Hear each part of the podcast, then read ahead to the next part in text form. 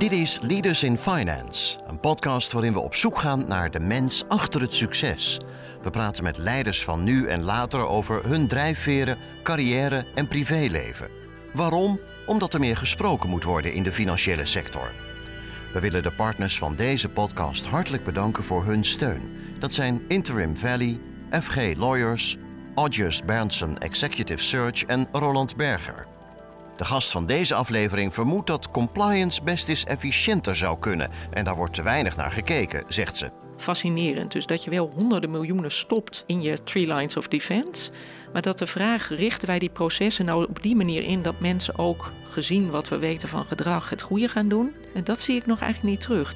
Al die mensen die witwassen tegengaan, zou het echt alleen met zoveel medewerkers kunnen? vraagt onze gast zich af. Ja, het is bijna een beetje als de houthakker die geen tijd heeft om zijn bijl te slijpen. En blijkbaar is de, de druk zo groot dat we daar steeds mensen bij zetten en de oplossing zoeken in steeds maar nieuwe processen. Nu lopen veel compliance-medewerkers de marathon op slippers, zegt ze. Sowieso een woord dat veel in deze aflevering valt: marathon. Ze wordt dan ook vaak aangespoord door een oud collega met wie ze hard loopt. Dat kan jij best. Maar ik, mentaal kan ik dat denk ik niet. Maar die marathon loopt ze zelf dus niet. Of nou ja, de halve. De gast in deze aflevering is Femke de Vries van Samhout Consultancy en hoogleraar toezicht in Groningen. Je gastheer is Jeroen Broekema. Welkom bij een nieuwe aflevering van Leaders in Finance. Deze week met Femke de Vries. Welkom. Dankjewel, Jeroen. Leuk dat je de tijd neemt om hier uh, in Driebergen Zeist bij uh, Griet Bloemenheuvel met uh, Leaders in Finance in gesprek te gaan. traditiegetrouw spel ik altijd de naam van de gast. Dat, dat gaat bij jou relatief makkelijk. Er zitten geen verrassende dingen in. F-E-M-K-E, de en dan Vries V-R-I-E-S. Ik zal jou kort introduceren. Femke de Vries is managing partner van N. Samhout Consultancy en hoogleraar toezicht aan de Rijksuniversiteit Groningen. Ze werkte 15 jaar in het financieel toezicht, zoals na de financiële crisis een van de architecten van het nieuwe toezicht van de Nederlandse Bank, waarvan het toezicht op gedrag en cultuur een van de voorbeelden is. Binnen bestuur van de Autoriteit Financiële Markten was Femke verantwoordelijk voor het retail-toezicht op banken, verzekeraars, beleggingsondernemingen en pensioenfondsen. Femke is sinds 1 januari 2018 werkzaam bij Ensamhout en adviseert financiële instellingen in binnen- en buitenland bij het versterken van hun risicomanagement door inzet van kennis over gedrag. Maandelijks verschijnt in het Financiële Dagblad een expertbijdrage van de hand van Femke over gedrag, cultuur, governance en risicomanagement. Femke is daarnaast commissaris bij BNG Bank en onafhankelijk voorzitter van het klimaatcommitment van de financiële sector. Ze studeerde af in beleid en bestuur in internationale organisaties aan de Rijksuniversiteit Groningen. En daarnaast studeerde ze af als meester in de rechten aan de Erasmus Universiteit in Rotterdam. Beide cum laude. Ze woont met haar man, zoon en twee dochters in Beeldhoven.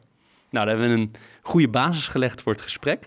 En wat ik altijd zelf heel mooi vind, is als mensen, en dat zijn er niet eens zoveel, uh, zich begeven in die drie verschillende werelden: de wetenschap, bedrijfsleven en, uh, en de overheid aan de publieke kant. Nou, je hebt overal gewerkt, je bent ook overal nog betrokken. Kan jij iets zeggen over die drie werelden? Hoe anders zijn ze en hoe anders is het voor jou om erin te werken?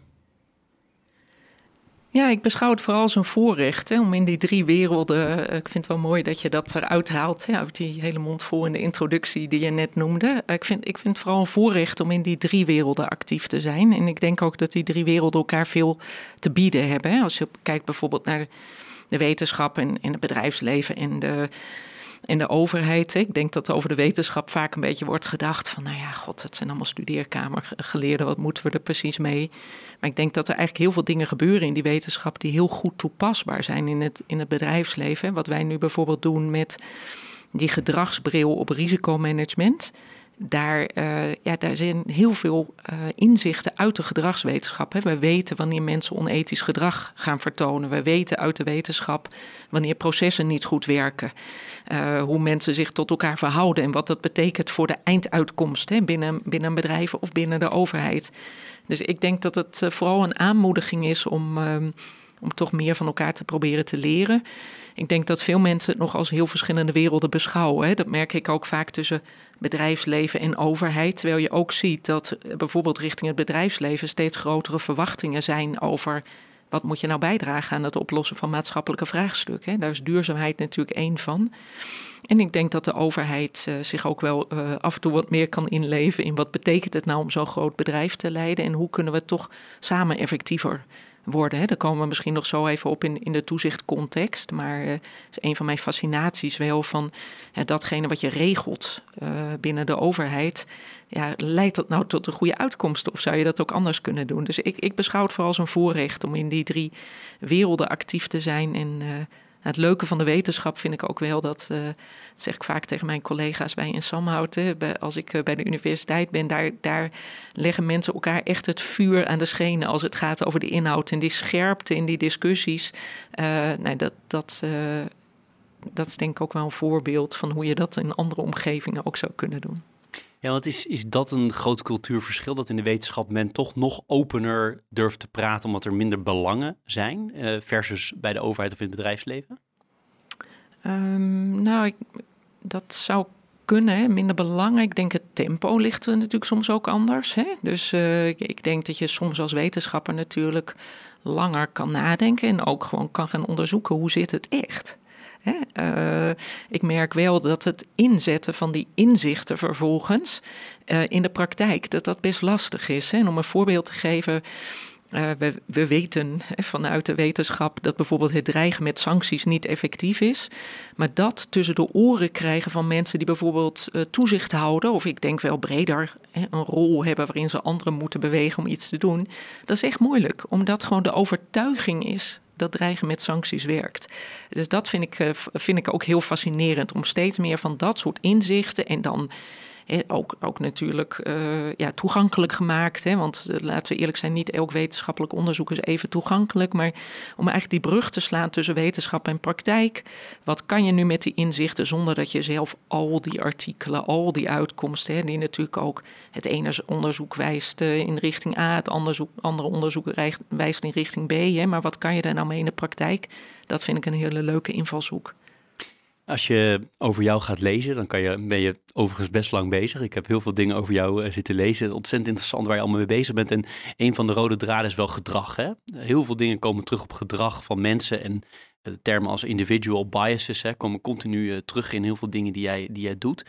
Is daar nou veel meer aandacht voor gekomen de afgelopen 10, 20 jaar? Of hoe lang, jij bent er wel langer mee bezig zelfs. Maar in al die plekken waar je zit? Ja, ik denk over het algemeen meer aandacht voor gedrag, denk ik zeker. Als je mij nou zou vragen, en hoe zit het dan met de toepassing daarvan bij het inrichten van processen in organisaties of bij het werkend krijgen van, uh, uh, van teams? Uh, nou, dan is er nog wel denk ik een hoop te doen. Dus ik, mijn antwoord zou, daarop zou eigenlijk dubbel zijn. Denk veel meer aandacht. Hè? Ook, ook met dank natuurlijk aan grote wetenschappers zoals Kahneman, uh, Dan Ariely... Die, die daar uh, fantastische publicaties ook heel toegankelijk hè, over schrijft. Nu weer recent een boek van Siboni over besluitvorming. Dus ik denk wel meer aandacht. Maar het implementeren daarvan in organisaties, daar verbaasde me soms. Hè, dat er mijn, mijn, grote fascinatie is eigenlijk dat als we processen gaan ontwerpen in organisaties, we, wij allemaal dus, en dan, dan doen we dan abstraheren we bijna van menselijk gedrag. Hè. Lean, uh, nou, we gaan het zo efficiënt mogelijk inrichten. Waar zit de Slack? Uh, goh, nou fijn, uh, kunnen we het goedkoper doen? Dan outsourcen we het naar een, een back-office. Maar bedenken wat dat betekent voor het eigenaarschap van mensen. Uh, voor betrokkenheid, voor engagement, voor kwaliteit, voor verbeteringen in het proces, vind ik toch nog wel echt onderbelicht. En dat, dat verbaast me soms, want het voelt voor mij ook een beetje als pennywise pound foolish. Om dan heel efficiënt, zeg ik tussen aanhalingstekens, maar dat kan de luisteraar niet uh, zien. Uh, ja, wat is dan efficiënt? Maar waarom hebben we die neiging? Wat zit erachter? Hoe verklaren we dat? Omdat gedrag soms de gedragskant te vergeten, even in mijn simpele woorden. Nou, ik denk soms grote focus op kosten, toch wel. En, en daarvan denk ik, ja, ik zeg dan altijd erbij korte termijn kosten. Want ja, de lange termijn kosten, als er heel veel dingen fout gaan, of je krijgt een heel groot verloop, of mensen worden heel ongelukkig in hun werk en daardoor minder productief, of ze voelen zich niet verantwoordelijk voor het eindresultaat.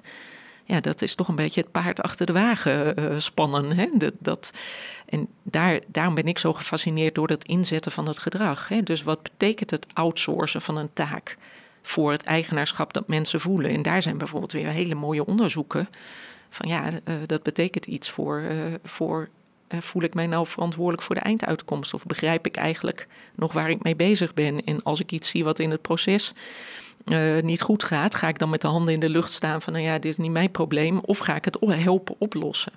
Dus dat vind ik, eh, en daar zijn natuurlijk wel hè, met meer agile manieren van werken, waar veel meer vanuit teams wordt gedacht, worden denk ik wel stappen gezet. Maar ik, ik denk echt dat de gedragswetenschap nog onderbenut is in, uh, in heel veel organisaties, overheid, bedrijfsleven, overal. En als je organisaties helpt om nieuwe processen in te richten, waarbij die gedragskant wel nadrukkelijk meegenomen wordt, Ga je dan ook achteraf kijken op een manier? Ik durf bijna het woord meten niet te noemen, want dat lijkt weer op heel kwantitatief. Maar ga je op een manier kijken of het daadwerkelijk heeft gewerkt? Ja, dat, dat doen we. Nou moet ik zeggen, dat is ook best lastig. Hè? Want wat jij zegt, natuurlijk een neiging bij meten is om weer heel erg in kwantitatieve indicatoren te gaan zitten. Hè? Dus uh, waarbij ik denk, ja, dat is relevant. Hè? Van uh, worden er minder fouten gemaakt? Uh, ervaren mensen, of kunnen mensen letterlijk meer doen omdat het efficiënter wordt, dus minder werk wat teruggaat en waar, waar nog een keer iemand naar moet kijken. Dus dat doen we wel. Uh, tegelijkertijd denk ik, uh, soms heb je ook um, dingen die moeilijker te, te, meten en te kwantificeren zijn. Ik noem het maar even naar het voorbeeld van de luchtvaart, de, de. Hè?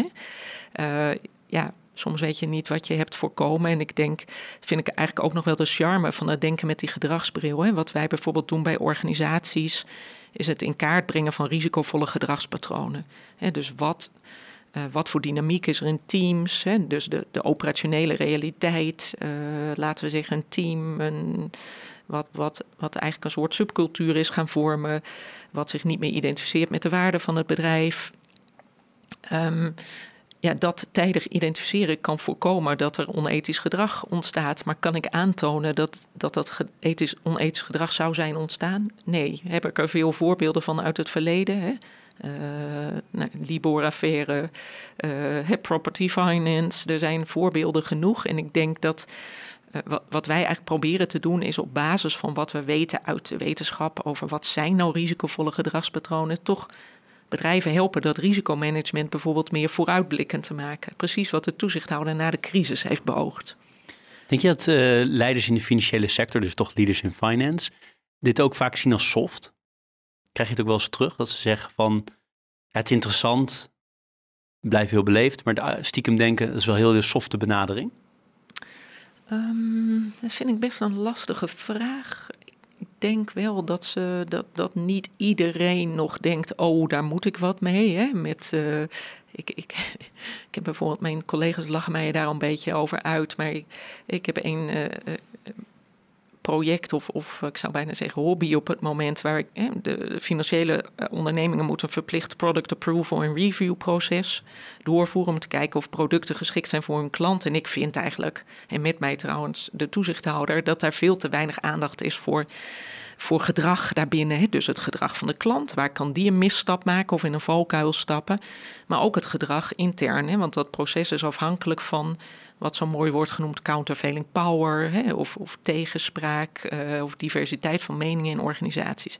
Ik denk als je dat goed, daar gedrag goed in integreert, dan kan je problemen in de toekomst voorkomen. Nou, ik merk dat dat bijvoorbeeld iets is wat moeilijk over te brengen is.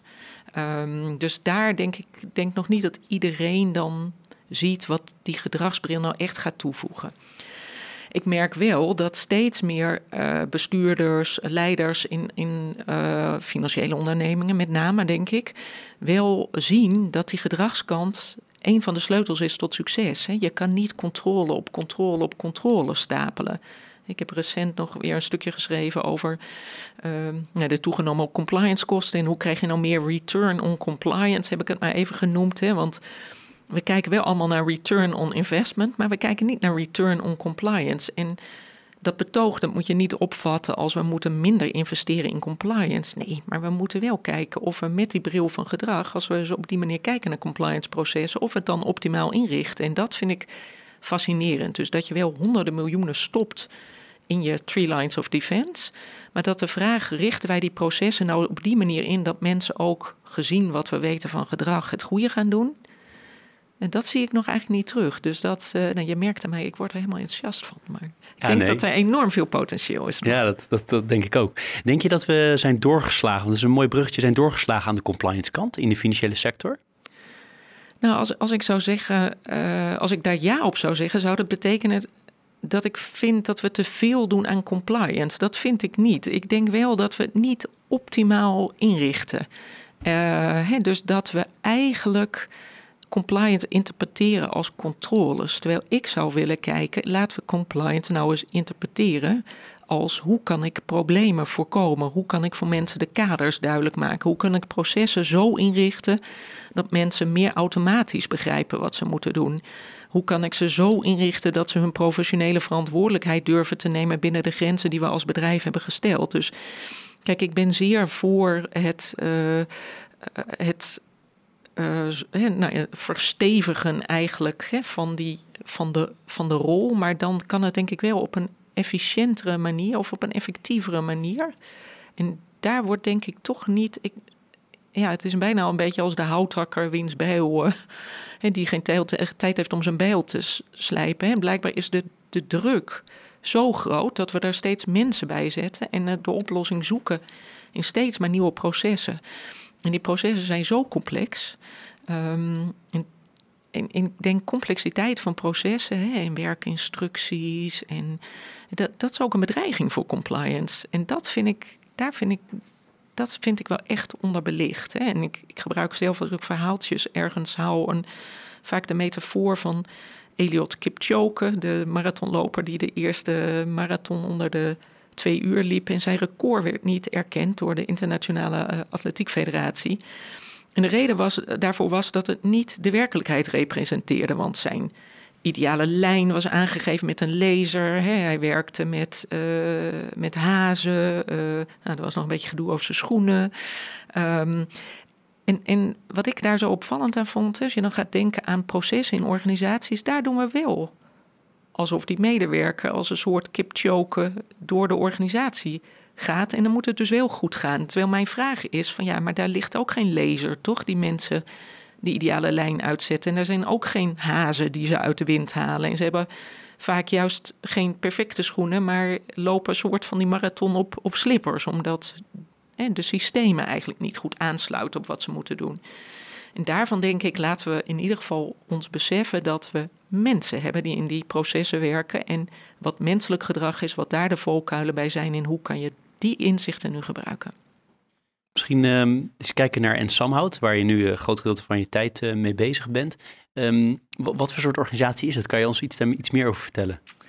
Ah, ja, dat is een. Uh, nou, ik, ja, ik, in de eerste plaats een heel mooie organisatie. Denk ik. Een van de meest opvallende dingen vond ik uh, toen ik uh, begon, is dat uh, het een verzameling van mensen is met enorme passie.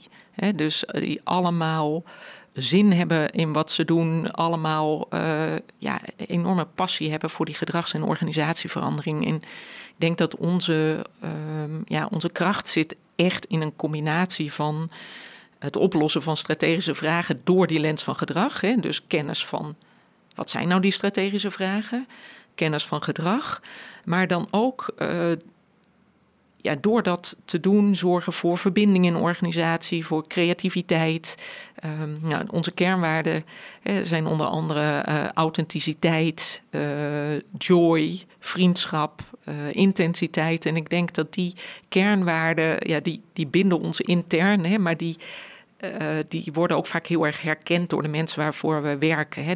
Wij, wij, zijn niet een consultant die binnenkomt, uh, het kunstje doet hè, of een soort standaard werk uit de kast pakt. Maar wij hebben echt een filosofie op die uh, verandering en, en een passie, zeg maar, om dat samen met die organisatie te doen. Om het echt beter te maken. En dat vind ik leuk. Hè. Dat, daar is denk ik een linkje met mijn nou ja, loopbaan daarvoor, met die maatschappelijke betrokkenheid. Dat, dat merk ik ook in dit bedrijf. Hoeveel mensen werken er?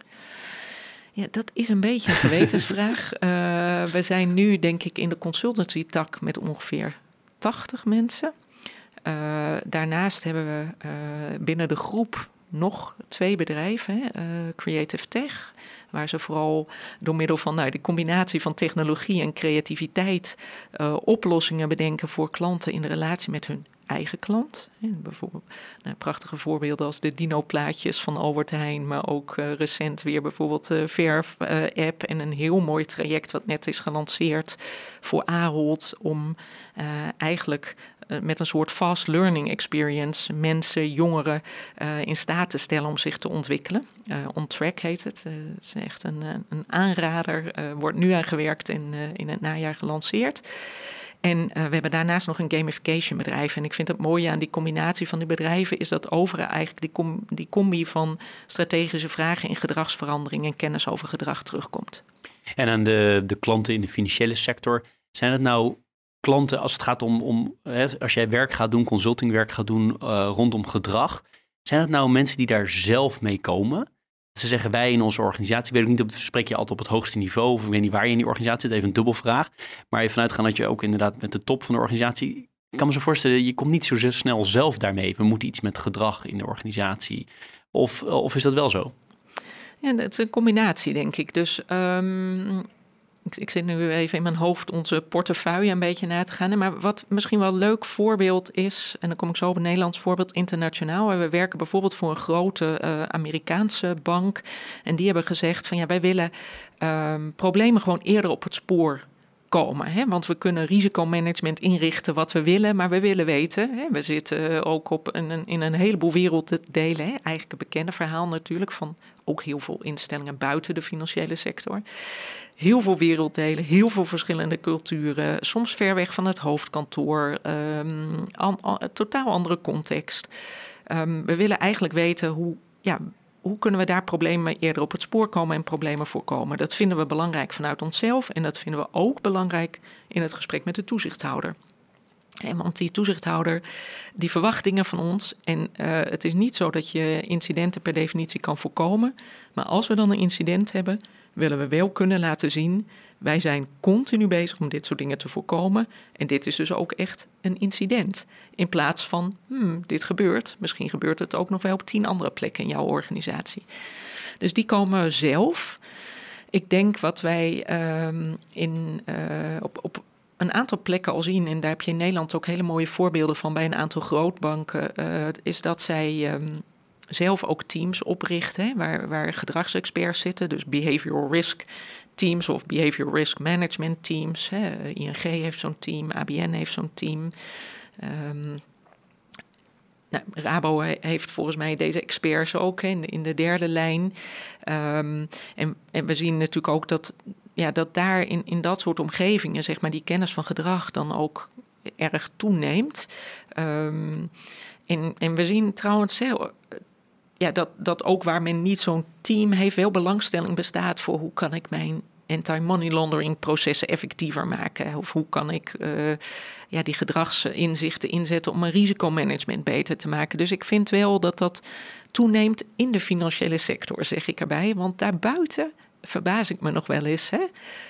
Uh, dat ja, onze grote multinationals uh, toch met enige regelmaat worden geconfronteerd met uh, corruptie of uh, andere incidenten in het buitenland. En uh, nou, daar ervaar ik in ieder geval nog niet heel veel belangstelling voor dit werk. En zit jij zelf um, op, op strategisch niveau altijd te praten of zit je ook diep in de organisatie? Nou, onze, onze ambitie is in principe op strategisch niveau, hè, waarbij ik denk dat onze aanpak ook heel down to earth is. Dus dat is wel leuk. Dus wat we doen is natuurlijk vaak hè, met uh, of de CRO of, of in de lagen daaronder het hoofd compliance, uh, die gelukkig ook in organisaties een steeds prominentere rol krijgen. Dus leiders in risicomanagement. Soms dus ook in de eerste lijn. In de, Amerikaanse bank die ik net noemde, zitten we in de eerste lijn. Um, dus we, ik, wij zitten denk ik met name op het hoogste niveau, maar ik denk die aanpak, en die kenmerkt zich eigenlijk doordat we helemaal naar de operationele realiteit gaan. Dus dat we gaan kijken. Hè, we, we, dat doen we bijvoorbeeld ook door mensen bijvoorbeeld letterlijk te schaduwen. Dat klinkt een beetje geheimzinnig, maar gewoon te kijken hoe doe je nou eigenlijk je werk? Waar loop je dan tegenaan? En dat we uh, zo heel veel zicht krijgen op wat gebeurt er nu in de praktijk en hoe verhoudt dat zich eigenlijk tot wat jij op het strategisch niveau hebt bedacht. En dat is vaak voor mensen echt een eye-opener. Ja. je bent heel enthousiast over Ensamot en wat jullie, daar, eh, wat jullie daar doen. En je kan heel duidelijk voor mij ook heel goed kwijt uh, wat je daar kwijt wil. Qua, qua vanuit je onderzoekskant, vanuit de overheidskant, maar vanuit die gedragslens. Maar toch nog even de vraag hoe je bij Ensamhout terecht bent gekomen. Waarom heb je die keuze gemaakt? Je zat bij de toezichthouder. Bent toen overgestapt, ik geloof 3,5 jaar geleden nu. Ja, hoe kwam dat? Hoe, dat klopt. Waarom deed je dat? Ja, nee, ik, ik denk er is eh, natuurlijk altijd een, het eh, is altijd een combinatie van, van factoren. Hè? Maar um, ik had 15 jaar in het financieel toezicht uh, gewerkt, ook heel veel gedaan. Hè? Daar kunnen we misschien zo nog over opkomen van hè, het opnieuw ontwikkelen van dat, van dat toezicht. Uh, ik vond Ensamhout een heel uh, aantrekkelijk bedrijf. Ik weet nog dat uh, Salem tegen mij zei: Wij doen alleen maar leuke dingen met mensen die we leuk vinden. Toen dacht ik: Nou, dat is toch fantastisch.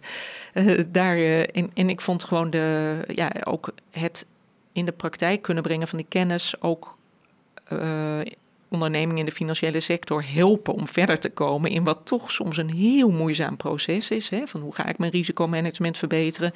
Hoe ga ik aanmeldprocessen effectiever maken? Uh, vond ik gewoon ook een mooi, mooi perspectief uh, om na 15 jaar eh, financieel toezicht ook ja, die, die kennis in de uh, operationele praktijk van, van die sector te brengen.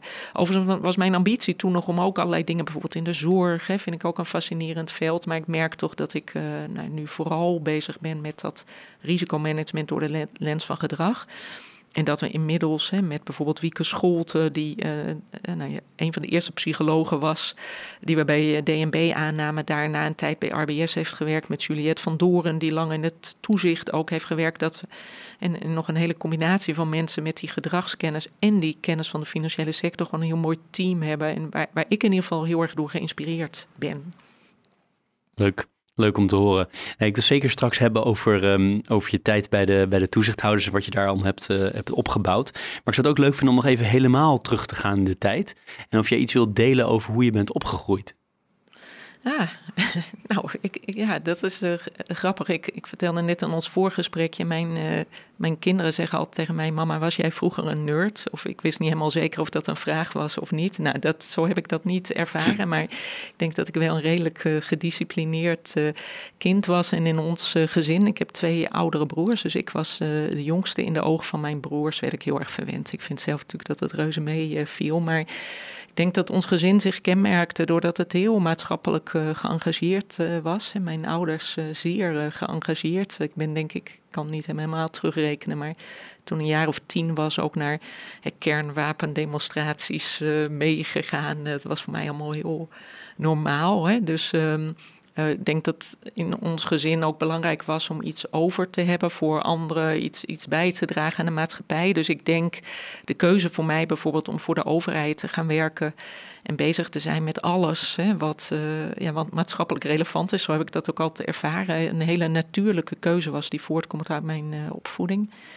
En ik denk dat er daarnaast nog twee dingen, als ik er nu zo aan terugdenk, belangrijk of, of, een soort van de rode draad waren. Um, eh, sport was heel belangrijk bij ons thuis. Of heel belangrijk, nou ja, was echt wel... Mijn vader was atletiektrainer en die... Ik herinner mij uh, uh, vakanties waar wij dan met het hele gezin... naar een afgesloten atletiekbaan in een of ander oord gingen. En daar een soort van, ik weet niet of we onder het hek doorkropen... maar dat beeld komt nu bij mij op. En waar wij dan rondjes gingen, gingen rennen... Mijn broer was vooral heel getalenteerd. Ik was vooral enthousiast, denk ik, en gedisciplineerd. Maar ik heb dat ook altijd als heel leuk ervaren, zeg maar. Die, ik merk dat nu ook aan mijn eigen kinderen. Gewoon de, de plaats die sport kan innemen in je, in je bestaan. De, binding die dat geeft. Uh, ja, de herinneringen die je daarmee opbouwt. Uh, zijn, ja, nou, het is een van de eerste dingen die mij te binnen schieten.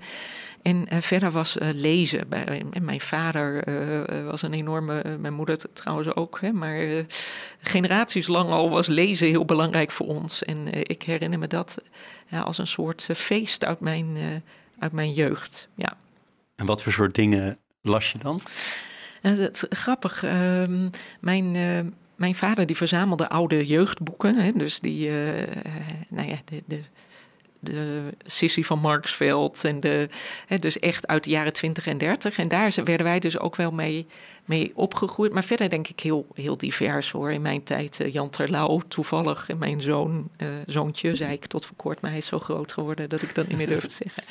Mijn zoon uh, leest nu nog steeds Jan Terlouw. Hè? Dus dat, dat is wel mooi hoe bepaalde dingen blijven. Maar ja, ik, ik heb dat echt als een soort, ervaar ik nog steeds als een soort cadeau. Uh, uh, lezen, een van de fijnste dingen die er zijn, waar denk ik iedereen te weinig tijd voor heeft, ik ook. Maar uh, dat, als je mij vraagt hoe was je jeugd, ja, komen die dingen, dus die maatschappelijke ja, engagement, noem ik het maar even, lezen. Politiek was toch voor mijn ouders ook belangrijk, werd bij ons aan tafel heel veel gediscussieerd over politiek.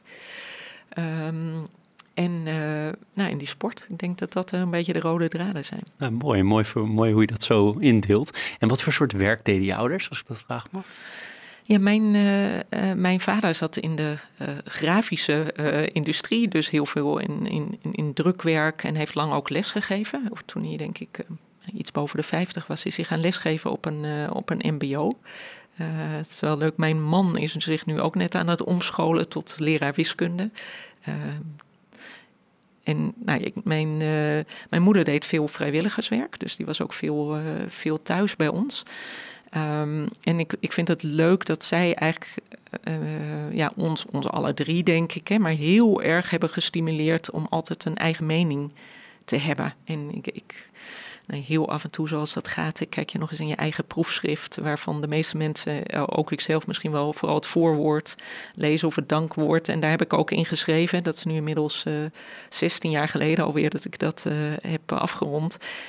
Van ja, ik ben mijn ouders dankbaar voor het feit dat zij ons zo hebben gestimuleerd om een eigen mening te hebben en om ook um, ja, toch onafhankelijk te denken. En ik hoewel ook daar weer allerlei biases spelen, las ik vanmorgen weer. Dat als je denkt dat je onafhankelijk denkt, dat dat toch wel meevalt. Maar ik denk wel dat, ik, dat, dat mijn opvoeding er mede voor heeft gezorgd dat ik uh, uh, nou, niet extreem gevoelig ben voor hiërarchie en ook wel een tegengeluid durf te laten horen. Uh, op een fatsoenlijke manier, hoop ik. Maar ik denk dat dat, nou, dat koppel ik zelf aan de manier waarop wij zijn opgevoed. En de passie uh, voor, het, uh, voor de discussie en voor het uh, politieke en het, het engagement, zoals je het noemt, dat liep, liep nooit uit de hand. Het bleef wel gezellig. Of, want ik, ik, ik ben zelf ook opgegroeid in zo'n. Nou, het komt vrij bekend voor, maar bij ons kon het er wel stevig aan toegaan in de discussies. Ja, bij ons ook wel. En het grappige is wel nog, ik kan nog steeds wel echt discussiëren op het scherpst van de snede. En dan merk ik soms dat dat voor anderen wel uh, uh, heftig voelt. Terwijl voor mij is dat de normaalste zaak van de wereld. En, en dan heb ik, spreek ik ook wel eens met collega's over, ja, maar bij ons thuis was dit volstrekt normaal. Uh, en, en niet helemaal geen ruzie, maar gewoon een een debat. Hè? Een echt debat. En ik vind het leuk. Ik heb ook zelf altijd heel graag gewerkt met met mensen die iets totaal anders vonden. Ik, ik herinner me bij zowel DNB als AFM, een van mijn afdelingshoofden die, eh, die eh, in mijn team zat, die eigenlijk waarvan je de klok op gelijk kon zetten dat als jij iets vond, dat hij iets anders vond. En dat vond ik eigenlijk heerlijk, want wat ik zelf vind, dat weet ik immer zo. Hè? Dus het is fijn als iemand anders iets anders vindt. Mooi, mooi. En geen van jullie drie is dus uh, doorgebroken als uh, atletieker? Nee, nee, helaas. maar je loopt nog wel hard? Of? Ik loop hard, maar dat mag geen naam hebben hoor. Want ik uh, liep vanmorgen met een van mijn hardloopvriendinnen die allemaal veel ouder zijn dan ik. En dan, dan moet ik elke keer enorm uh, aanpoten. Dus dan probeer ik niet zoveel te denken aan het leeftijdsverschil. Want uh, eerlijk gezegd uh, loop ik uh, te weinig en misschien heb ik ook te weinig talent. Maar ik, ik vind het wel, het is voor mij wel een van de hoogtepunten van de week. meer vanwege de gezelligheid dan vanwege de fysieke inspanning, moet ik zeggen. Ja, want in een aantal interviews of dingen die ik las over jou kwam het woord marathon terug als voorbeeld. Nu eerder in ons gesprek ook al hè, met, met Kipchoge. Heb je ook een marathon gelopen? Nee, een halve. Verder ga ik niet. Verder ga je niet. Oké. Nee, mijn, mijn ex-collega Merel van Vroonhoven, met wie ik nog uh, heel goed contact heb, die probeerde mij te verleiden tot de marathon van, ik denk Parijs. Um, want zij heeft verschillende keren een marathon gelopen. En dan, uh, dan roept zij altijd: Dat kan jij best. Maar ik, mentaal kan ik dat denk ik niet. Misschien moet jouw, 21... jouw mannen doen. Dan kan over de omscholing naar het, naar het onderwijs praten. Maar, ja. Ja, ja, nee, hij heeft verschillende marathons gelopen. Maar ik, ik, ik trek de grens bij een half. Dat vind ik al een hele prestatie. Zeker weten, absoluut. Um, toen ben je in Groningen gaan studeren na, na middelbare school. Hoe, waar komt dat vandaan? Um, in Groningen, ik ben in de buurt van Groningen opgegroeid, in, in Noord-Drenthe. Uh, niet te verwarren met Groningen. Um, ik, ik, vind, uh, ik, ik vond daar een hele leuke studie. Jij noemde het net al, hele vol beleid en bestuur in internationale organisaties. Ik had een hele brede belangstelling en die studie was een interfacultaire opleiding. Dus je deed een taal, ik heb Frans gedaan daar. Um, uh, vakken aan de economiefaculteit, um, bestuurskundevakken en rechtenvakken. En dat vond ik heel, uh, heel, heel interessant, die combinatie. Ik heb propeduize geschiedenis gedaan, want dat was een bovenbouwstudie. Vond ik ook een fantastische studie. Dus ik uh, moedig nu, dat gaat natuurlijk tot niks leiden, maar mijn kinderen aan om toch vooral geschiedenis te gaan studeren. Zo zie je als ouder je onvervulde wensen altijd een beetje pro projecteert op je kinderen. Maar um, ik, ik vond die studie ontzettend leuk, omdat je, ja, dat multidisciplinaire, dat, dat vind ik, uh, komt denk ik ook wel een beetje mijn loopbaan terug.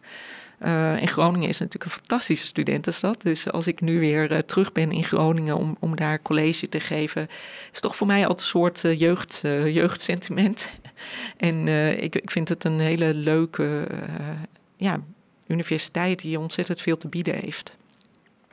Toen ben je later heel ergens anders, namelijk Rotterdam, rechten nog erbij gaan studeren. Klopt, ik ging werken voor het ministerie van Justitie. Dat was mijn allereerste baan. Daar was ik een soort van de rechterhand van de uh, Nederlandse drugsofficier. Dus de officier van Justitie die uh, de minister toen zorgdragen adviseerde over het Nederlands drugsbeleid. En iedereen in mijn omgeving was jurist. En ik merkte ook wel dat uh, rechten eigenlijk een heel eenduidig Mensen, voor mensen heel eenduidig. Mensen weten wat je kan als je rechten hebt gestudeerd. En ik vond het ook heel leuk. Dus toen ben ik dat gaan doen naast mijn werk in Rotterdam. Vond Rotterdam trouwens ook een hele leuke uh, universiteit. Heel dynamisch. Hè? Dus de link met het bedrijfsleven vond ik daar heel anders dan in Groningen. Hè? Dus het bedrijfsleven is echt aanwezig op de campus in Rotterdam. Dus dat heb ik in deeltijd uh, gedaan, dus in, uh, in de avonduren. En ik vond, het, ik vond rechten, uh, moet ik zeggen, ook heel leuk, omdat je ook weer elke dag bezig bent met iets wat op de voorpagina van de krant staat. Hè? Of het nou is strafrecht, of de, nieuwe CAO, arbeidsrecht, of volkenrecht. ja, ik, ik vond het fantastisch, fantastisch interessant. En ik ben gepromoveerd ook in, in Rotterdam. Uh, ik ben denk ik niet, je hebt natuurlijk hele precieze juristen. Daar ben ik er denk ik niet één van. Maar ik vind het, uh, het concept gewoon van het wettelijk kader begrijpen. Begrijpen wat je daarmee kan doen. Ook de grenzen die het stelt, bijvoorbeeld aan je eigen bevoegdheden. Ontzettend uh, interessant en belangrijk. En het vak wat ik nu zelf geef, begeeft zich eigenlijk een beetje op het grensvlak tussen rechten en bestuurskunde. En dat probeer ik ook met studenten, als het gaat over toezicht, eigenlijk die ja, die dynamiek steeds met ze te bespreken. Van ja, je hebt een juridisch kader, maar de maatschappelijke verwachtingen kunnen anders zijn. Hoe ga je dan dan mee om? Hoe, hoe, wat zijn de grenzen eigenlijk van wat je kan doen? Want ja, dat juridisch kader, dat, dat is het, eigenlijk het enige wat echt democratisch gelegitimeerd is. Nou, vind ik een mooi debat. Kom je bij je eerste baan terecht? Um, God, dat is een goede vraag. Hè? Ja, ik moet heel even nadenken hoor. Maar ik werkte bij de dienst Centrale Recherche Informatie. Daar liep ik stage. Uh, want ik heb eigenlijk altijd al een passie gehad voor fraudebestrijding. Ik weet nog dat een van mijn collega's bij Financiën, toen werd ik, ging ik naar de douane in Rotterdam om daar verantwoordelijk te worden voor de fraudebestrijding. Die zei: Wanneer ga jij nou eens mensen helpen? Nou, dat is er uiteindelijk toch van gekomen. Maar ik heb natuurlijk lang in die handhaving en fraudebestrijdingssfeer gezeten. En vanuit de CRI had ik veel contact met justitie en daar was een uh, vacature voor een, starter bij de Nederlands drugsofficier. En dat was een fantastische leerschool, want op het moment dat ik begon had Nederland het Schengen-voorzitterschap. En een half jaar later, meen ik, het uh, voorzitterschap van de Europese Unie. Dus ik heb me in die eerste jaren ook nog wel begeven in internationaal overleg, hè, waar ik natuurlijk ooit met die studie beleid en bestuur ook een beetje voor was opgeleid. Uh, nou, uiteindelijk was dat niet helemaal, denk ik, waar ik heel veel energie van kreeg. Maar ja, ik, ik, het was wel echt een voorrecht om, om ook zo dicht op die minister, op de politiek zorgdrager. Toen ik begon, ehm, was er een enorme drugsruzie met Frankrijk. Hè? Dus ik herinner me dat de Franse minister van Justitie, denk ik, dan kwam. En dat die dan in een helikopter boven de haven van Rotterdam werd rondgevlogen. Om te laten zien hoe moeilijk het toch was om die haven van Rotterdam dicht te houden. Waar het gaat om uh, drugscriminaliteit. Best een spannende baan, of niet?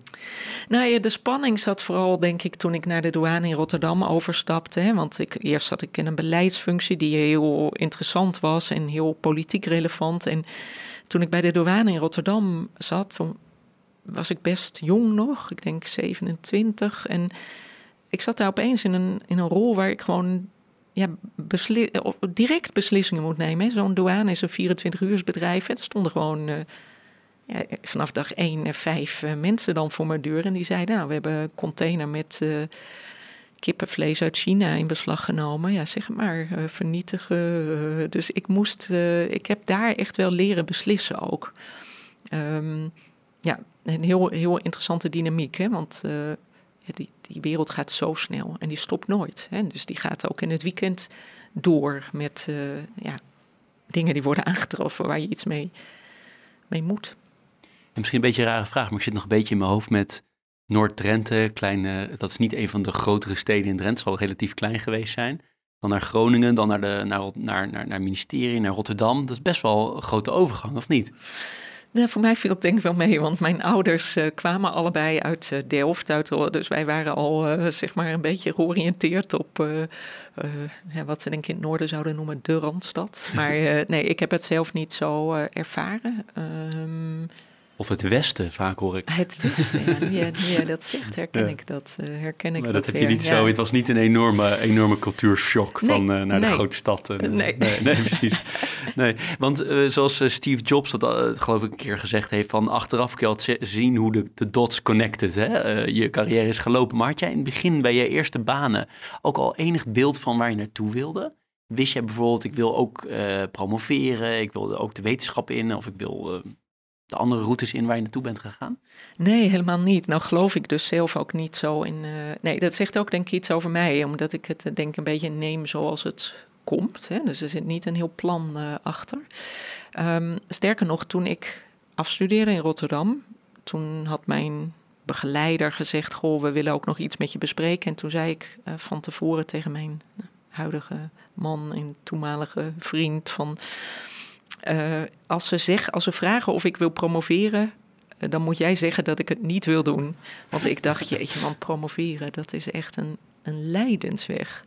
En waar ik vooral heel erg tegen zag, is dat je daar dan vier jaar mee bezig zou zijn. In, dit, in mijn geval naast mijn werk. En dat dat dan nooit uit je hoofd zou zijn. En goed, toen kwam ik daar natuurlijk. Zei ze, ja, Femke, maar je bent, er je bent er al bijna. Zoals ze dat dan zeggen. Je bent er bijna. Weet je, die scriptie en dan, ah, dan heb je nog een beetje wat erbij en je bent er. Um, ja, en, en daar, heb ik, daar ben ik eigenlijk die begeleiders uh, heel dankbaar voor, toch? Hè? Omdat uh, ja, het heeft mij veel gebracht, die promotie. En het werd geen leidersweg? Vond nee. het alleen maar leuk? Nou ja, alleen maar, dat zou ik niet durven zeggen. Maar uh, ik heb het niet ervaren als een leidersweg. Ik geloof dat ik daar ook iets in mijn voorwoord over schrijf. Ik heb het toch vooral ervaren als een enorme verrijking en als een, ja, het, het uitdagen van jezelf, van wat vind ik hier nou eigenlijk van? uh, vond ik enorm leuk. Dus ik, ik denk dat ik dat, nee, dat het ook bij mij wel een beetje kenmerkt, wel heel gedisciplineerd heb gedaan. Hè? Van oké, ik had dan op de vrijdagen, werkte ik daaraan. En dan, nou, dan borg ik het ook gewoon weer op. En dan ging ik de volgende vrijdag weer verder tot, tot ik met zwangerschapsverlof ging in 2003, denk ik. vier. Ehm, eh, toen eh, had ik een aantal weken achter elkaar en heb ik eh, dat proefschrift afgemaakt. En, ja. en ook toen wel zo overwogen om volledig in de wetenschap 100% daar te gaan? Nog nooit. Al, nooit. Nee, Je wil altijd die combinatie houden. Ja, ik denk niet dat ik daar geschikt voor ben. Nee. Nee, ik ben denk ik toch iets meer een generalist. Ik vind het combineren van dingen uit de wetenschap met die praktijk ontzettend leuk. Uh, maar, en, en ik publiceer ook nog best heel regelmatig. Maar ik, nee, ik, ik zou niet, nou ja, ik zeg nooit nooit, hè, maar die ambitie heb ik op dit moment niet. En dan beweeg je naar de toezichtskant hè, bij de, de, de, de DNB en later bij de AFM. Hoe kan je daar wat meer over vertellen wat je daar voor soort dingen allemaal gedaan hebt en waar jij met name op gefocust hebt? Ja, dan word ik weer heel enthousiast, hè? want ik vind dat, toezicht, uh, dat toezicht vind ik echt een fantastisch uh, vak. Mensen kijken een beetje meewarig daar altijd als ik dat zeg, maar ik vind toezicht zo ontzettend interessant, omdat het eigenlijk een combinatie is natuurlijk van menselijk gedrag, hè? Van, uh, van economie en de context en, en al die dingen die op zo'n markt gebeuren. Hè, waar, je als toezichthouder op moet reageren. het is ook de publieke opinie en politiek waar je, waar je, waar je toch mee te maken hebt. Uh, um, dus ik vind dat toezicht houden heel fascinerend. En ook hoe kan je dat nou op een manier doen die mensen ook beweegt om het goede te doen. Um, en, en, nou ja, de onbedoelde effecten daarvan te vermijden. Daar, kunnen we misschien zo nog even over hebben. Maar wat heb ik daar gedaan? Ik ben uh, uh, bij DNB begonnen in 2003. Heb ik uh, verschillende dingen gedaan. Oorspronkelijk in, in de sfeer van uh, illegale toetreders, hè, dus mensen die zonder vergunning actief waren op de markt. Dus een beetje in het verlengde van wat ik al deed. Ik, en, daar ook sancties aan opleggen, hè, boetes, dwangsommen. En toen ben ik overgestapt naar juridische zaken. Ik heb de eerste compliance afdeling van DNB geleid. En daarna um, ben ik divisiedirecteur voor toezicht op pensioenfondsen geworden. Vond ik ook heel, heel interessante wereld. Um, en na de crisis, ik denk dat dat eigenlijk de kern is toch van mijn loopbaan bij DNB, verantwoordelijk geworden voor de nieuwe divisie Toezicht Expertisecentra heette die toen nog. Uh, die eigenlijk het toezicht van DNB opnieuw moest vormgeven na de crisis. En daar is denk ik uh, ja, datgene wat ik graag doe, echt ja, wel tot, tot wasdom gekomen. Hè? Dus we hadden in mijn divisie was enerzijds de interventieeenheid, hè, dus de echte moeilijke dossiers, langslepende problemen, uh, nationalisatie van, van SNS bijvoorbeeld. Um, nou ja, al, allerlei vraagstukken. Hè? Want die divisie was ook opgericht om, zoals Klaas Knot dat noemde, echt het zijlicht te zijn voor andere divisies binnen DNB. Dus hè, zorgen dat dingen niet te lang um, ja, door liepen zonder dat er afdoende werd ingegrepen, maar ook nieuwe perspectieven op problemen. Dus ik had die interventiedivisie, uh, uh, gedrag en cultuurtoezicht zat onder andere in mijn divisie, maar ook de interne kwaliteitsbewaking van het toezicht. Dus hoe kunnen wij ons toezicht nou verbeteren? Uh, welke biases zijn we zelf gevoelig voor? Welke valkuilen stappen wij in als toezichthouder? Ja, ik vond dat echt een heel mooie tijd. Die divisie heb ik vier jaar, denk ik, of vier en een half jaar geleid. En daar merkten we ook dat ja, wat, wat DNB daar deed, en daar heeft Joanne Kellerman ook een belangrijke rol in gespeeld, ook internationaal enorm de aandacht ging trekken. Dat gedrag en cultuurtoezicht, dat toezicht in de boardroom. Een van mijn collega's, of eigenlijk twee van mijn collega's, dus Wieke Scholte en Juliette van Doren, en samen met bijvoorbeeld Mireia Ruimakers, die nu nog bij ING zit, hebben echt daar ja, het denken over ja, boorddynamiek, besluitvorming, leiderschap. Uh, hoe, ja, hoe hoe moet je daar als toezichthouder naar nou gaan kijken? En dat was in het begin natuurlijk best uh, spannend. Nou, mooi. Vraag die ik ook aan, aan Hanso van Beuskom van AFM destijds stelde. Ik ben ook benieuwd naar jou, jouw kijk erop. Um, en dat is uiteindelijk de, de hele simpele vraag. Wat maakt nou een goede toezichthouder? Wat zijn nou elementen, je hebt dus eigenlijk al een paar genoemd, maar wat zijn nou elementen die een goede toezichthouder maakt? Ja, nou ja, er zijn heel veel dingen over geschreven. Hè? Ehm, maar voor mij, uh, ik, ik, herinner me dat ik bij DNB eh, nieuwe toezichthouders of jonge nieuwe mensen mocht toespreken. En dat ik zei van ja, een van de belangrijkste eigenschappen toch voor een toezichthouder vind ik kleur bekennen. Dus echt ergens wat van durven vinden, maar dus ook durven te zeggen: dit is oké. Dus kleur bekennen vind ik een hele belangrijke. Komt in al die uh, logische wijze en al die mooie stukken over wat is nou goed toezicht niet, niet voor. Um, en, en ik denk een belangrijke eigenschap voor een toezichthouder is ook in- en uitzoomen. Dus het IMF noemt dat denk ik indringend en vasthoudend. Hè? Dus je moet ook af en toe echt durven inzoomen op wat gebeurt hier nu werkelijk. Um, nou, verder zou ik denken die gedragskennis onontbeerlijk. En dan kom ik bij mijn laatste punt, hè, je moet ook begrijpen wat het effect is van je eigen handelen. En daar vind ik uh, toezichthouders uh, nog niet altijd even sterk. Toevallig hadden wij met een groepje hoogleraren een, een, een beurs aangevraagd voor onderzoek naar uh, onbedoelde effecten voor toezicht. Nou, dat heeft de, de uitkerende instantie niet behaagd om ons daar onderzoek over te, te laten doen, helaas. Maar het blijft mij fascineren dat. Um, ja, sommige van de dingen die toezichthouders doen, die leiden tot het omgekeerde effect. Hè? Dat mensen geen verantwoordelijkheid meer durven te nemen. Dat ja, een voorbeeld van? Nou, de commissie Toekomst Accountancy Sector beschrijft dat mooi, hè, met uh, dat, uh, ik weet niet hoe zij het letterlijk zeggen, maar iets, iets in de trant van, hè, doordat er zo'n grote focus vanuit het toezicht is op de volledigheid van dossiers, bestaat het risico dat die accountant alleen nog maar bezig is met de volledigheid van de dossiers. Dus dat, dat het dossier AFM-proof maken een doel op zich wordt. En ik denk dat de AFM hele goede dingen heeft gedaan in het accountants-toezicht. Um, maar dat je ook altijd samen met die sector eigenlijk in gesprek moet zijn over tot welke onbedoelde effecten leidt het. Hè? Want het kan niet zo zijn dat, dat men daardoor geen professioneel oordeel meer durft te geven, omdat men bang is dat het dossier niet voldoet. Het begint natuurlijk met dat zo'n sector verantwoordelijkheid moet nemen. Ik heb hier ooit ook een stukje in het FD over geschreven, daar begint het mee. Maar ja, ik, ik, denk ook, ik denk dat die valkuil ook rond het witwas toezicht op de loer ligt. Waarbij voor mij totaal niet ter discussie staat dat er in de sector heel veel moet gebeuren. Zowel bij de accountants als bij de financiële instellingen. Maar de vraag van hoe zorg je dat er eigenaarschap voor, uh, voor wordt genomen, vind ik wel uh, belangrijk. En leidt dan het proces wat je afdwingt uh, tot een goede uitkomst? Of welke onbedoelde effecten heeft dat? En ga daar dan over in gesprek. Dat is denk ik iets wat toezichthouders per definitie moeten doen. En, daar zijn in toezicht op de zorg zijn er ook tig voorbeelden van. Hè? Toezicht is een middel, geen doel. Helder. Nog even naar jouw uh, carrière, loopbaan kijkende. Zijn er nou hele cruciale momenten geweest voor jou of mensen die ervoor gezorgd hebben dat je een bepaalde kant op bent gegaan en niet een andere? Um, ja, die zijn er denk ik. Nou, wat ik net noemde, zo'n promotieonderzoek, uh, wat mij uiteindelijk ook in staat stelt om bijvoorbeeld zo'n leerstoel te bekleden, is denk ik toch wel een heel, uh, heel cruciaal moment.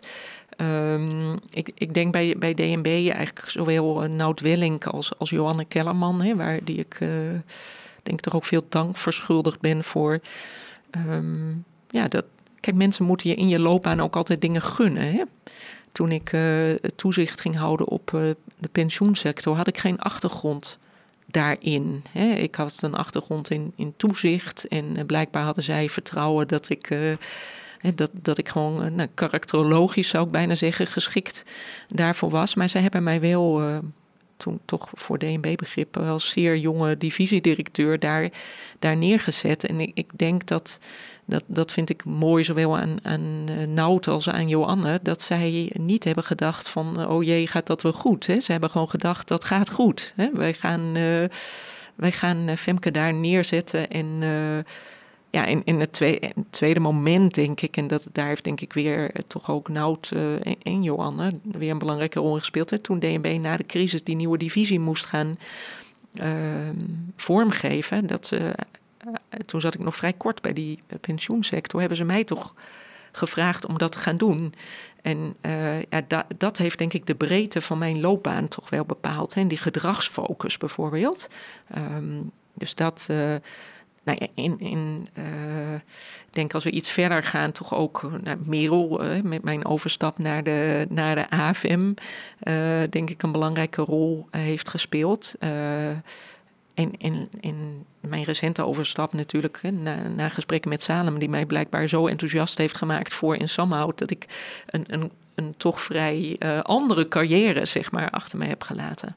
Wat ook best wel spannend was natuurlijk. Ik kan me voorstellen, en er zullen ook mensen, heel wat mensen wat van gevonden hebben, dat je uit de, ja, uit de toezichtskant uh, naar, naar een commercieel, uh, commerciële club ging. Ja, hoewel ik ons niet echt als een commerciële club ervaar. Hè? Dus, uh, maar ja, ik, ik weet nog dat heel veel mensen tegen mij zeiden: wat dapper. Toen dacht ik, nou, het is niet dat, dat ik Syrië ga binnentrekken of zo. Hè? Dus, dus ik, ik, ga, ik maak een carrière switch. Maar ik vond het wel interessant dat mensen dat kwalificeerden als dapper. Um, ja, het is toch interessant dat uh, blijkbaar een, een loopbaan hè, als, als, als bestuurder of als divisiedirecteur, secretaris-directeur bij DNB. Uh, nou ja, als een totale trendbreuk met, met deze stap werd gezien. Hoe verklaar je het woord dapper dan? waarom zeggen ze dat? Ik weet niet, ik denk dat ze het spannend vonden om dat helemaal achter je te laten. Ik vond dat zelf natuurlijk ook wel spannend. Uh, ik, ik denk dat mensen toch een carrière switch over het algemeen wel als dapper ervaren. En kijk, ik denk dat ik daar vrij, uh, zoals ik in heel veel dingen denk ik wel vrij open instap. Mensen, andere mensen misschien wat meer zouden hebben gedacht van jeetje, maar ik weet ook nog wel hoor, dat een van mijn DNB-collega's tegen mij zei van ja, maar als dat dan als, je, als dat dan niks wordt, hè, of je vindt het daar niet leuk. Toen dacht ik, oh ja, dat is natuurlijk ook nog een optie. Dat, ja, blijkbaar ga ik er redelijk open in. Maar dat dapper is me heel erg bijgebleven, dat mensen dat vonden. Ja, grappig. Nee, dat kan, kan me ook wel voorstellen. Maar het is denk ik ook niet zo dat de wegen daarna afgesloten zijn. Het is niet zo dat je zo heb ik er zelf, terug kan of ergens anders naartoe kan, toch? Nee, zo heb ik daar zelf ook altijd naar gekeken. En gedacht, het is uh, ook weer een, het is een verrijking. En zo ervaar ik het ook. Hè? Want ik ben ook het toezicht anders gaan bekijken. Ik denk dat bijvoorbeeld hè, die... Uh, het feit dat ik nu elke maand, voorheen elke week, toch weer moet nadenken over ja, ontwikkelingen. Bijvoorbeeld zo'n FD-stukje te schrijven, dat is ook wel weer verrijkend. Hè? Dat dwingt je ook misschien wel om veel meer stelling te nemen dan je althans in het openbaar in zo'n toezichtrol kan. Dus ik vind het, ik, ja, ik denk dat het een mooie stap is geweest waar ik heel veel meer van heb geleerd en waar ik bijvoorbeeld zelf ook denk ik wel weer een betere toezichthouder van zou worden. Nou, dat is mooi. Dat is toch weer dat je in die verschillende werelden zit, waardoor je toch ook beter bruggen kan bouwen en ook met andere lenzen weer kan kijken. Even los van de gedragslens, maar dit is misschien een lens vanuit verschillende werelden. Dat is interessant. Ja. We hebben bij um, Leaders in Finance ook altijd een teaser en een pleaser. Nou, de pleaser is altijd dezelfde, de teaser niet. Ik had bij jou uh, opgeschreven, um, uiteindelijk trekt de financiële sector in vergelijking met andere sectoren meer ethische problemen uh, aan, of dat is een beetje raar verwoord, maar er zijn meer grote ethische issues dan in andere sectoren. Allemaal relatief, dat snap ik. Uh, omdat het altijd over geld gaat. En geld is toch wel iets wat, als je daar continu mee werkt, dan wordt het ook heel, iets heel anders dan als het maar een van je, als maar een onderdeel van je bedrijf is. Ben je het daarmee eens? Nee, uh, nee, ik denk nee, niet. In onderdelen misschien daarvan wel. Kijk, wat, ik eigenlijk meer zie is dat er uh, daar dat zei ik aan het begin al even, van ik denk eigenlijk dat de financiële sector door die crisis hè, en door de focus van het toezicht en de veranderende maatschappelijke verhoudingen verder is bijvoorbeeld met het toepassen van die gedragskennis. Het verbaast mij hè, dat nou, groot, wat ik al zei, grote Nederlandse multinationals uh, eigenlijk heel weinig aandacht daarvoor hebben. Terwijl als je gaat kijken, hè, uh, nou, de, er zijn nou, recent weer SAV, eh, Philips. Ze worden eigenlijk op allerlei plekken in de wereld ook geconfronteerd met die grote incidenten. Volkswagen, nou ja, ik, ik, zou uren vol kunnen praten hè, over, over dat soort incidenten. Trouwens, denk ik ook in de publieke sector. Kijk maar eens naar de toeslagenaffaire. Ook een heel groot ja, gedragsgerelateerd probleem. Ik, ik denk wat je ziet is dat um, de financiële sector door de diepte en ernst van die crisis, hè, die natuurlijk gigantisch was, dat er ook gewoon andere eisen aan de financiële sector worden gesteld door hun maatschappelijke relevantie. Hè. Dus je zou het ook kunnen zien als een compliment. Ik weet dat het niet zo wordt ervaren, maar ik denk de relevantie van de financiële sector in de maatschappij is enorm. Hè? Of het nou is om een bijdrage te leveren aan duurzaamheid of aan witwasbestrijding of aan uh, diversiteit, het klantbelang, noem maar op. En ik denk, uh, ja, daar hoort ook bij dat er hoge eisen aan je worden gesteld. Um, ik, ik denk dat, dat daardoor zeg maar, incidenten in die sector ook meer opvallen, dat er meer aandacht voor is. Ik zie wel dat zij dat de financiële sector daar eigenlijk toch meer, hè, want wij maken van die prachtige overzichtjes van welke banken doen nou eigenlijk al iets met gedragskennis. Dat zijn er inmiddels nationaal en internationaal best wel een, een aantal. Hè. Terwijl als, ik, als je mij zou vragen welke multinationals doen wat met gedragskennis, behalve in de relatie met hun eigen klanten vanuit marketingperspectief Kijk, mijn kennis daarover is beperkter, maar ik denk dat risicomanagement door die gedragslens, dat, dat financiële sector daar echt verder uh, mee is. Nog niet ver genoeg, hè, maar um, Ja, dus ik, ik denk dat de sector meer onder het vergrootglas ligt. Heel veel dingen in de sector inherent eh, maken. Dat je gevoelig bent voor schandalen, dat geloof ik ook. Um, Omdat het over geld gaat? Of? Nee, want ik denk in andere bedrijven gaat het ook over geld. Ja, nee, maar wat, wat bedoel je dan met het gevoeliger ervoor zijn? Nou, ik denk toch door die sleutelrol in de, in de maatschappij, uh, door de complexiteit van, van processen, door de verantwoordelijkheid die je hebt richting die klanten, hè, waar als ik even vanuit AFM-perspectief, de klanten die, of de producten die je voert, hè, die hebben een enorme impact op het leven van mensen. Een arbeidsongeschiktheidsverzekering voor een ZZP'er, een rentederivaat voor een MKB'er, een hypotheek voor mensen, enorme impact. wat ik interessant vind, is wat ik bij mezelf gemerkt heb, is toen ik uh, bij ABN AMRO werkte, dat um, ik uh, uit, de, uit, uit de collegebanken kwam en de eerste keer dat ik uh, eh, 100.000 euro moest boeken of iets dergelijks, dat ik dacht, zo ongelooflijk veel geld. En dan een paar jaar later boek je miljoenen of nog meer. En dan wordt het toch een soort van normaler. Ik wil niet zeggen dat het tot onethisch gedrag leidt, hè? don't get me wrong. Maar wat ik wel merk is dat er Um, dat het minder, ja, we boeken even drie ton uit voor een huis, maar er zit wel een heel verhaal achter. Er zitten mensen achter, er wordt een huis gekocht, wordt een schuld aangegaan en het wordt toch normaler.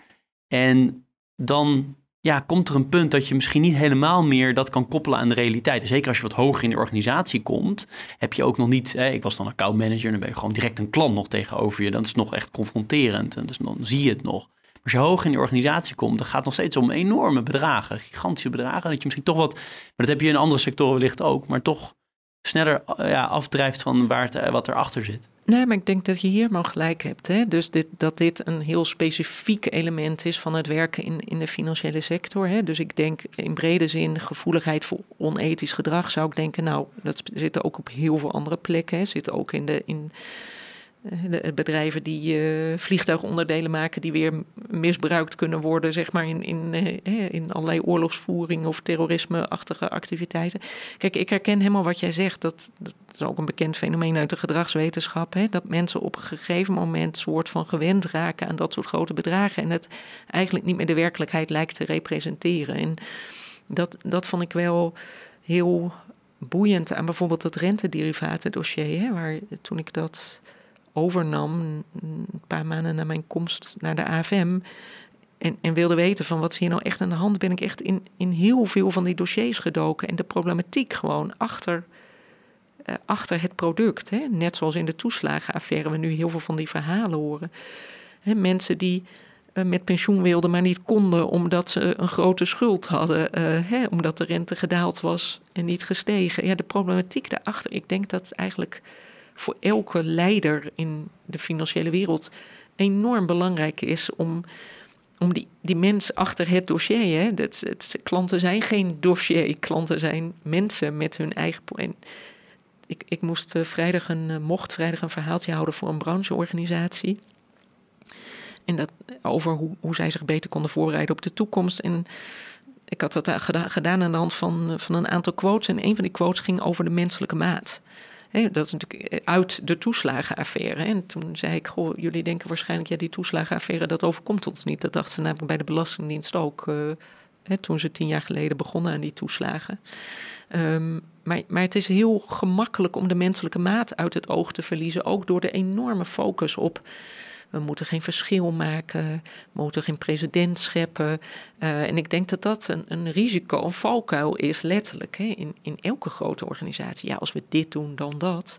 Ja, je moet ook, hè, ik weet zo'n loesje tekst, uh, wees verschillig. Dat gaat dan over, oké, okay, uh, trek je iets van dingen aan. Maar ik zou zeggen ook wees verschillig in soms gewoon een beslissing te nemen die afwijkt, omdat dat het goede is om te doen. Mooi. Nou goed, dat we Ties nog iets hebben uitgebreid, was iets te, te makkelijk. Aan de pleasende kant stellen we al dezelfde vraag. Heb je bepaalde boeken? Je leest al, je hebt het al duidelijk aangegeven in je jeugd dat lezen heel belangrijk was. Je hebt ondertussen duizenden boeken gelezen. Uh, staat er iets bij waarvan je zegt dat geef ik heel vaak aan iemand, of dat vind ik nog steeds voor mezelf een van mijn meest invloedrijke werken? Ja, ik mocht hier van jou van tevoren over nadenken. Toen merkte ik aan, nu jij deze vraag stelt, denk ik, oh, ik heb toen heel erg in de zakelijke sfeer gedacht. Hè, van, uh, goh, wat, wat lees ik? Uh, maar ik zal dan eerst iets zakelijks geven waarvan ik denk, oh, mensen die dit vakgebied leuk vinden, die kunnen daar uh, ja. hun voordeel mee doen. En wil ik toch het boek noemen van mijn collega Wieke Scholte. Hè, zij is gepromoveerd op ethisch gedrag in teams. En waarom vind ik, vind ik dat nou een mooi boek, boekje? Hè, is heel overzichtelijk. Um, omdat zij heel mooi beschrijft dat uh, vaak in organisaties wordt gezegd van nou dit is een rotte appel, hè, er gebeurt iets. Um, er wordt uh, iemand eruit gegooid, hè, of dat nou de toeslagenaffaire is uh, in het begin, hè, van nou deze ambtenaren, goh, goh, hoe is het mogelijk dat ze dit hebben gedaan? Of, of bestuurders, of misschien is zo'n Wirecard ook wel een interessant voorbeeld. Terecht hè, wordt nu zo'n CEO uh, aangepakt. Maar de vraag is natuurlijk, hoe heeft dit systeem kunnen bestaan en, en kon dat blijven bestaan? En, en Wieke beschrijft heel mooi in haar boek dat vaak wordt er gezegd, nou we gooien de rotte appel eruit. Maar de vraag, hoe kon het en wat was er dan in het systeem? Uh, dus bijvoorbeeld in uh, de sociale norm, in het omgaan met fouten, in hoe beloning werd beleefd, hoe men elkaar aansprak op of niet op onethisch gedrag. Hè? Wat was er nou in het systeem? Wat maakte eigenlijk dat al deze mensen eigenlijk heel lang, hè, of het nou Nick Leeson is of uh, Kweku Adeboli, hè, die konden heel lang hun gang gaan en iedereen wist het eigenlijk. Um, het boek van Wieke representeert heel mooi eigenlijk hoe wij kijken naar, uh, naar gedrag en cultuur. Uh, en, en, dat je dus niet alleen maar moet kijken naar het gedrag van een individu, maar vooral moet kijken hoe blijft dat uh, in stand? Hoe, kan dat, hoe wordt het veroorzaakt in de organisatie? Wat is de, het aandeel van de, van de teamdynamiek uh, daarin, van de sociale norm, maar ook van je eigen sturing als leider? Mooi. Dat is aan de zakelijke kant. Je ja. wilde geloof ik nog andere ook noemen, toch? Ja, ja nou god, dat is bijna te veel uh, om op te noemen. Maar uh, ik, ik heb jaren geleden uh, een, een, prachtig boek geschreven van een Nieuw-Zeelandse auteur. De Luminaries heet het. Het gaat over, over de goudkoorts in in Nieuw-Zeeland. En ik, ik, ik hou heel erg van dit soort. Het is eigenlijk een raamvertelling, hè, waar dus het verhaal van verschillende mensen wordt verteld in, uh, in één verhaal met verschillende perspectieven. Um, dat, dat vond ik uh, ja, qua, qua stijl. Het heeft volgens mij ook de Boekenprijs uh, gewonnen, maar echt een een prachtig boek om te lezen. Dus nou, voor degene die nog iets zoeken voor de vakantie, de Luminaries. Mooi. Dat was hem denk ik, hè? Ja, voor ja aan de boekenkant. Um, en, um, en zo op 90% van het gesprek, um, we hebben nu 5, 66 mensen ge gesproken. Uh, de vraag die ik altijd stel is: heb je tips voor mensen die uh, aan het begin van hun carrière staan en dan liefst het specifiek in de financiële sector? Um, ik, zit, nou, ik zit even te denken. Kijk, uh, uh, heel open deur naar, naar dit verhaal van mij. Hè. zorg dat je begrijpt hoe het gedrag in organisaties wordt gestuurd. En als je dat niet begrijpt, dan zal je op een gegeven moment, denk ik, zien dat je, dat je een groot probleem over het hoofd hebt gezien. Hè. Dus ik, het, ik heb wel eens gezegd, het is alsof je auto rijdt met met één hand uh, voor, voor je ogen of, of je, je vooruit half afgeplakt. En je ziet er maar een deel van de werkelijkheid. Dus zeker voor degenen die in een leidende rol terechtkomen, uh, is dat denk ik belangrijk. En, en verder zou ik willen meegeven, kijk, die, die sector die speelt zo'n belangrijke maatschappelijke rol. Wees je daarvan bewust. Uh, bedenk hoe je daar invulling aan kan uh, geven. Um, en wees daarin ook niet te, niet te afwachtend. En, en voor mensen überhaupt, denk ik, uh, loopbaan technisch zou ik zeggen, geloof in jezelf. Uh, uh, zorg goed voor je collega's. Uh, je moet het toch altijd, altijd samen doen. Hè. Het valt me nog wel eens op in een organisatie dat het toch animositeit, hè, weet je, wij, zij denken. je moet het samen doen, daar wordt het ook leuker van en, en beter van. Um, nou, en ik denk dat, je, dat de meeste mensen meer kunnen dan ze zelf denken. Mooi, mooi. Ik naar de toekomst kijken, en niet de komende paar jaar, maar wat langere termijn. Uh, ik zie toch een aantal dingen in dit hele gesprek, als ik dat zo een beetje bij elkaar pak. Uh, politiek was belangrijk in de, in de jeugd. Je hebt duidelijke mening, kleur bekennen. Nou, ik haal een paar dingen aan die in dit gesprek genoemd zijn. Als je nou ooit gevraagd wordt om minister te worden, is dat dan niet ook heel interessant voor je?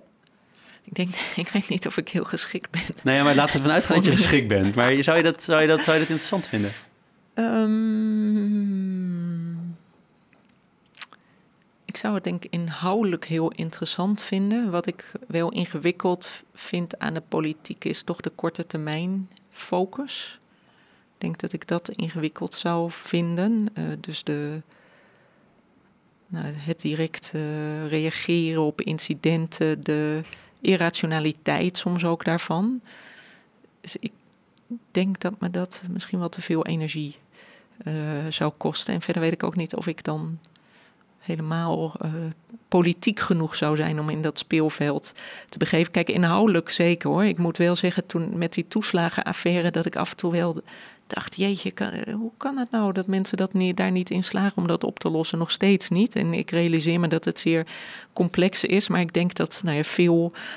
Uh, veel mensen wel denken, ja, mijn handen jeuken om daar een, een, bijdrage aan, aan te leveren. Um, maar nou, je beschreef eerder hoe Salem je enthousiast maakte voor deze baan. Want dan met leuke mensen was. Misschien, uh, misschien is er dan ook iemand die zo enthousiast is dat, die, uh, dat jij dan uh, daardoor ook heel enthousiast is. Heb je zelf een beeld bij bepaalde loopbaan, toekomst? Of, of net zoals, zoals het nu gegaan is, je kijkt wat er, wat er allemaal op je pad komt?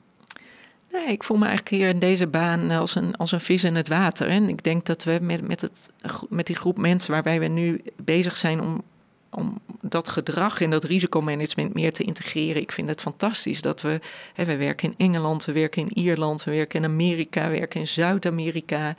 Um, we hebben, we hebben contacten in heel veel landen in Europa. We gaan binnenkort voor Europese organisaties, internationale organisaties werken. Dus ik, ik vind eigenlijk, merk ik, dat, dat pionierswerk om zo'n ja, toch nog onontgonnen gebied. Misschien sprak het daarom die luminaries, bedenk ik me nu hè, zo aan. Hè? Die, die goudkoord, zo'n onontgonnen gebied binnentrekken en daar iets moois van maken. Dat, dat appelleert bij mij zowel aan de maatschappelijke kant, hè? dus bijdrage leveren aan grote maatschappelijke problemen door risicomanagement beter te maken. Uh, of, of de werkomgeving voor mensen beter te maken. En het appelleert, denk ik, ook aan mijn uh, honger naar kennis, hè, mijn inhoudelijke belangstelling. Dat als ik dan weer collega's heb die iets hebben gevonden of iets hebben uitgezocht of ik lees iets, hè, dan, dan kan ik helemaal enthousiast worden. En die, die combinatie, en daar voel ik me eigenlijk heel, heel prettig bij. Leuk. Tot slot, hoe, um, hoe blijf je fit, fysiek en mentaal? Wat doe je, wat doe je ervoor? Nou, met, um, fysiek hebben we het al een beetje over gehad. Dat blijft een, is een strijd uh, soms. Um, toch beweeg je volgens mij nog aardig veel als ik dat zo beluister. Maar hoe, hoe blijf je fit en hoe combineer je dat werk en privé?